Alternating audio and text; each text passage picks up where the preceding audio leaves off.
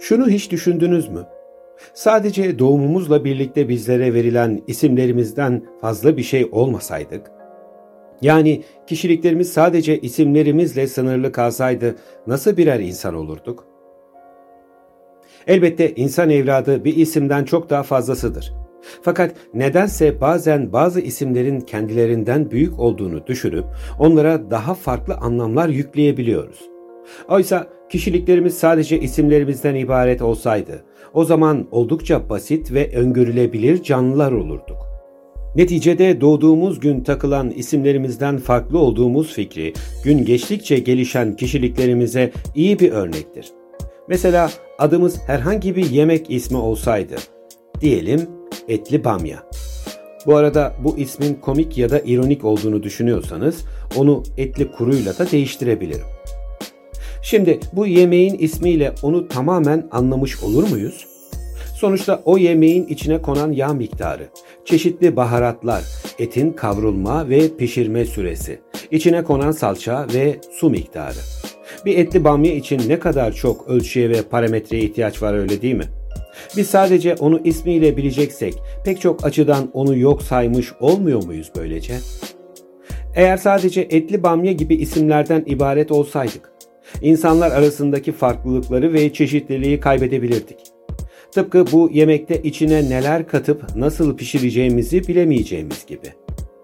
İnsanlar farklı geçmişlere, kültürlere, deneyimlere ve kişiliklere sahiptir ve bu farklılıklar biz insanların birbirimizi daha iyi anlamamıza ve birlik olmamıza imkan tanır. Hatta sadece bunlarla sınırlı da değildir.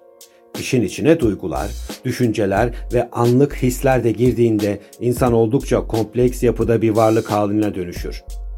İsimlerimiz bizi insan yapan etmenlerin sadece biri sayılabilir. Belki ama tümünün o olduğuna inanmamız biraz abes kaçacaktır. Eğer sadece isimlerimizle sınırlı kalsaydık, insanları birbirinden ayırt edemeyebilirdik. Birbirimizin davranışlarını, düşüncelerini veya duygularını tahmin etmekte bir hayli zorluk yaşardık. İsim konusunda başka bir mesele de hemşehrim, memleket nere sorunsalıdır. Aynı şekilde bir yerin ismi insanların kişiliklerini etkilemez.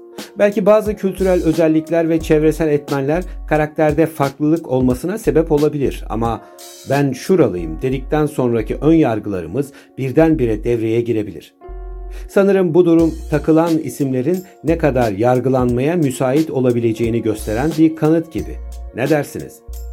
Yine isimlerin etiketlerinin yetersiz olduğu yerde çeşitli kısaltmalar ve takma isimler de kullanılır.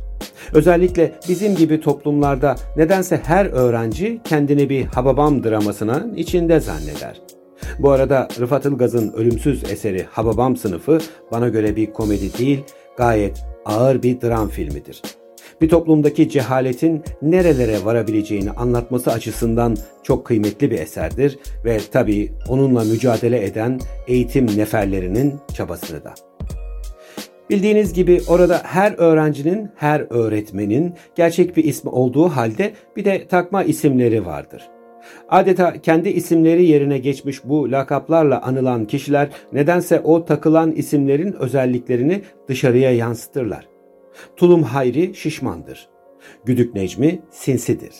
İnek Şaban saftır. Damat Ferit bıçkın ama yakışıklıdır. Kel Mahmut Hoca ciddi ve katı bir adamdır. Fakat hepsinin içinde başka biri olma hayali hep vardır. Mesela Tulum Hayri karşı koyamadığı iştahını tutmaya çalışıp kızlarla daha hoş görünmeye çabalar. Güdük daha aklı selim davranmak ister. Şaban kendini kabul ettirmek. Ferit sevilmek.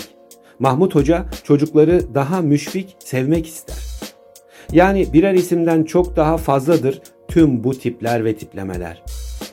Nihayetinde diyebilirim ki isimlerimiz kişiliklerimizin sadece bir yönünü yansıtırken kişiliklerimizin geri kalanı hayatımız boyunca yaşadığımız deneyimler, aldığımız kararlar ve yaptığımız seçimler gibi birçok etmene bağlıdır.